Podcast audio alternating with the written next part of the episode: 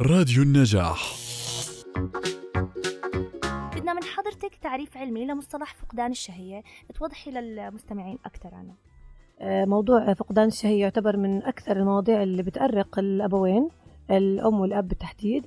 آه، وطبعا مصطلح فقدان الشهية هو بشكل عام آه، بغض النظر عند فقدان الشهية عند الأطفال ممكن نقول إنه هو بيكون في خلل من الاستقبال إشارات استقبال الجوع والشبع من المخ تمام؟ فبالتالي بيكون في عندنا الجسم نفسه ما بيطلب إنه ياخذ كميته أو وجباته المحددة في هذا اليوم.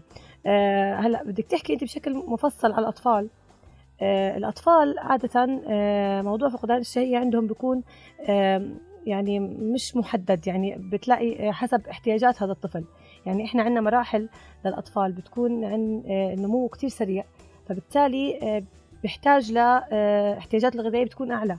آه، فالأم ما بتلاحظ والله إنه هذا الطفل ما عم بياكل أو آه، عنده مشكلة غذائية معينة. آه، بالمقابل ممكن تيجي مراحل تانية للطفل بتكون نموه مثلا أقل من المرحلة اللي قبل فبالتالي احتياجه تلقائيا حينزل.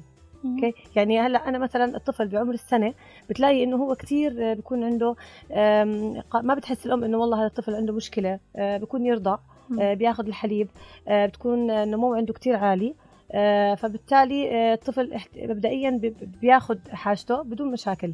لكن بعد عمر السنة ممكن نقول إنه بصير في عندنا هذا هذا النمو بنزل. يعني سرعة النمو عند الطفل بقل فبصير في عندنا اوريدي أو تلقائيا احتياج احتياجات الغذائية للطفل بدها تقل.